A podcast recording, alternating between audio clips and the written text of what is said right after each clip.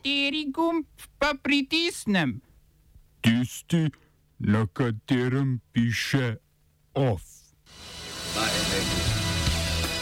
Na volitvah v Albaniji zmago razglasila konzervativna opozicija. Odstopil armenski premijer Nikol Pašinjan. Kljub pandemiji rastejo globalni vojaški izdatki. V kreativni inšpekciji o spregledanem ekološkem vplivu digitalizacije na festivalu Kiblix. Vse to in še več v OFU ob treh, ki mu sledi kreativna inšpekcija ob štirih akademskih 15, pa še rezultati volitev rektorja Ljubljanske univerze in nova sestava volilne komisije. Šou!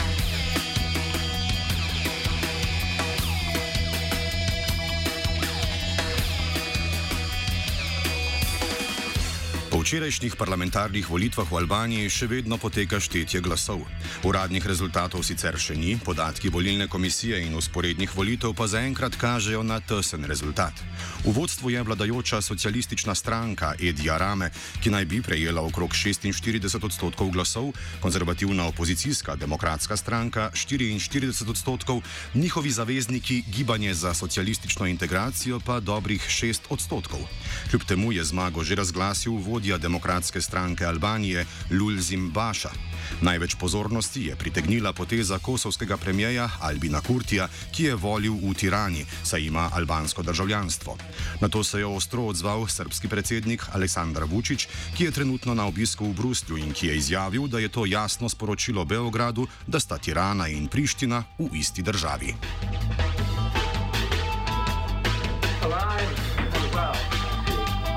V Bolgariji se epilog nedavnih parlamentarnih volitev še izmika.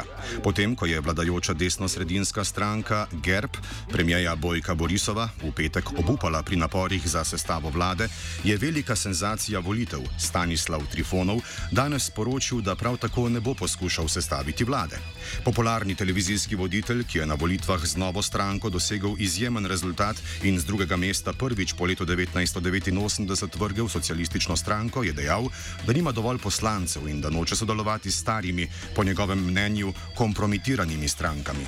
S tem ostaja zvest svoji kampanji, v kateri je nastopal kot nov obraz proti koruptivnemu establishmentu.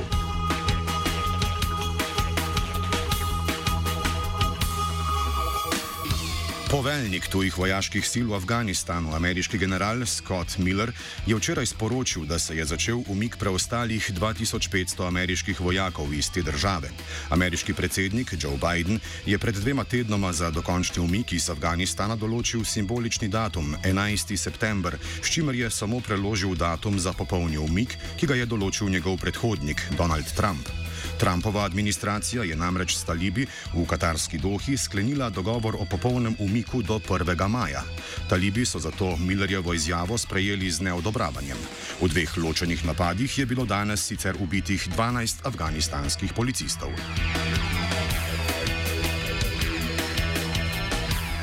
Potem, ko je Joe Biden v soboto kot prvi ameriški predsednik poboj okrog milijon in pol armencev strani Otomanskega imperija med letoma 1915 in 1923 uradno priznal za genocid, je Turčija na zagovor poklicala ameriškega veleposlanika v Ankari. Namestnik turškega zunanjega ministra Sedat Enal je veleposlaniku Davidu Setterfieldu izrazil zavračanje Bidenove odločitve, jo označil za nesprejemljivo in jo najstrožje obsodil. Turški zunanji minister Mevlut Čavšoglu je Bidenovo potezo označil za populizem in spreminjanje zgodovine. Dodal je, da bo ta poteza ZDA povzročila globoke rane, ki jih bo težko preseči. Turški predsednik Recep Tayyip Erdogan se še ni oglasil. Bidenova poteza prihaja v kontekstu že nekaj časa napetih odnosov med ZDA in Turčijo, saj slednja išče določeno mero samostojnosti v svoji zunanji politiki. Najvidnejša manifestacija tega je bil nedavni nakup ruskega protiraketnega sistema S-400 na mesto konkurenčnega ameriškega sistema Patriot. Patriot.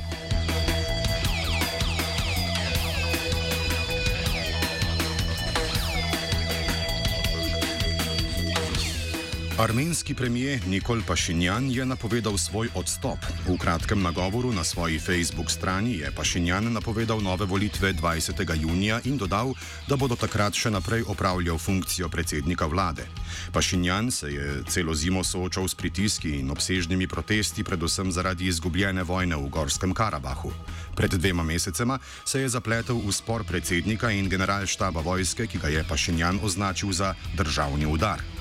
Raziskave javnega mnenja kažejo na apatičnost armenske javnosti, Pašinjana podpira okrog 53 odstotkov vprašanih, največ zaupanja pa armenci kažejo do vojske 73 odstotkov.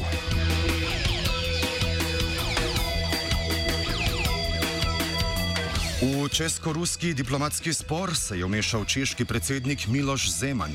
Zeman, ki je znan po svoji proruski drži, je prekinil tišino in izrazil dvom, da je za eksplozijo v skladišču streljiva in eksplozivnih sredstev leta 2014 v Vrbjeticah na vzhodu države stala Rusija.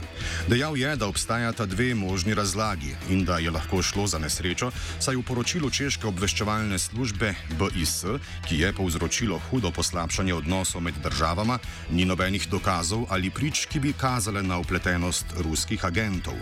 Dodal je še, da v toku raziskave ni bila najdena eksplozivna naprava. Medtem je govornica ruskega zunanjega ministrstva Marija Zaharova češko stran na podlagi poročil nemških medijev obtožila, da je v Vrbjeticah skladiščila protipehotne mine, ki so prepovedane z mednarodno konvencijo iz leta 1999.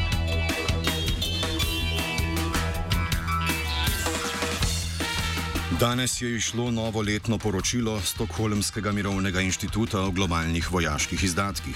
Ti so v preteklem letu zrasli za 2,6 odstotka in sicer na skupaj 1640 milijard evrov. Porasta ni preprečil pandemski padec globalnega bruto domačega proizvoda za 4,4 odstotke, s čimer je relativni delež orožarskih izdatkov največji od leta 2009 dalje. Pet največjih potrošnikov je bilo odgovornih za skoraj dve tretjini vseh svetovnih izdatkov za orožje v letu 2020. To so ZDA, Kitajska, Indija, Rusija in Velika Britanija.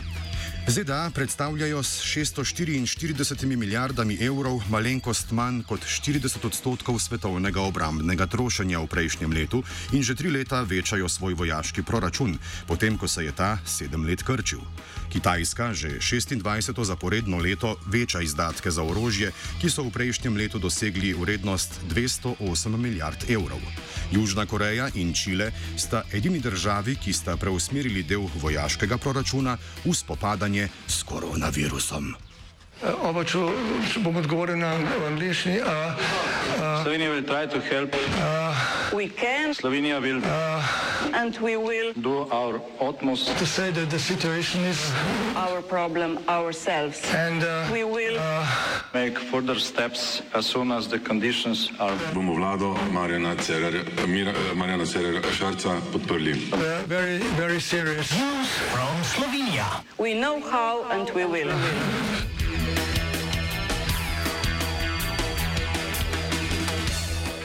Danes je nastopil mandat novemu direktorju RTV Slovenija Andreju Grahu Wotmau. Wotmaua, ki je iz kvote stranke SMC, je imenoval programski svet RTV v drugem krogu konec januarja. Z 18 glasovi proti 9 je premagal direktorica TV Slovenije Natalijo Gorščak, že v prvem krogu pa je izpadel dosedanji direktor Igor Kadunc. Kadunc zdaj na sodišču izpodbija izvolitev Wotmaua, ker naj ta ne bi imel izkušenj navedenih v razpisu. Whatmawov program je osredotočen na finančno stabilizacijo zavoda, poudarja upokojevanje delavcev, ki so za to izpolnili pogoje, sistematizacijo delovnih mest in karierni razvoj zaposlenih. Napovedal je tudi zakon o radioteleviziji. Hm. RTV je lani ustvarila 1,8 milijona evrov primankljaja, letošnji predviden primankljaj 4,7 milijona evrov pa bodo pokrili iz presežkov prejšnjih let.